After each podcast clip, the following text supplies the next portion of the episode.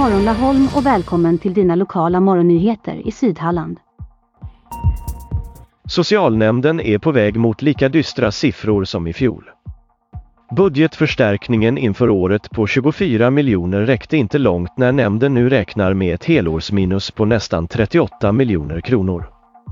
Nu tvingas nämnden att gå till fullmäktige och äska över 40 miljoner kronor extra för att klara verksamhetens behov.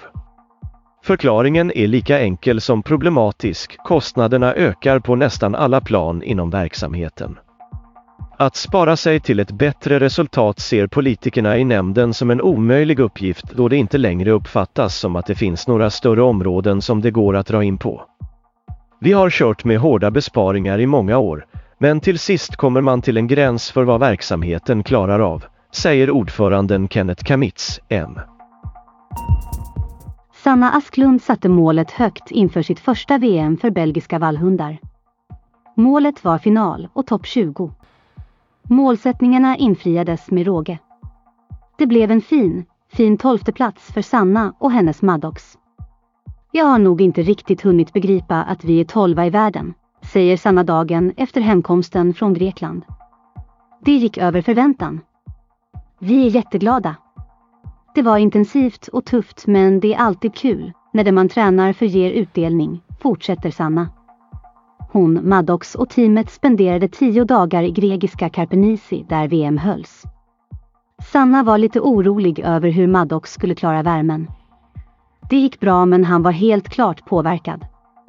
Det var inte så farligt varmt. När vi kom men lagom till att tävlingarna skulle dra igång blev det hett och det var lite stressande. 12 föreningar fick dela på 200 000 kronor när den så kallade vindbonusen delades ut. Det är vindkraftsbolaget SR Energy, som tidigare hette Stena Renevable, som delar ut pengarna. Det var tionde gången som vindbonusen fördelades ut till det lokala föreningslivet i Laholm.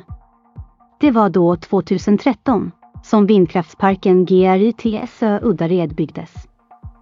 Söktrycket brukar vara högt och i år kom 43 ansökningar in. 12 föreningar valdes ut och fick dela på de 200 000 kronorna.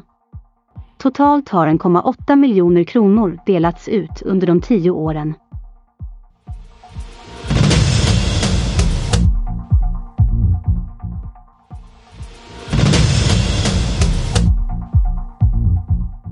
Det var allt vi hade att bjuda på idag. Tack för att du lyssnar på God morgon Laholm. Vill du stötta den lokala journalistiken kan du göra det via laholmstidning.se lt-supporter. Missa inte heller dina dagliga nyheter på laholmstidning.se.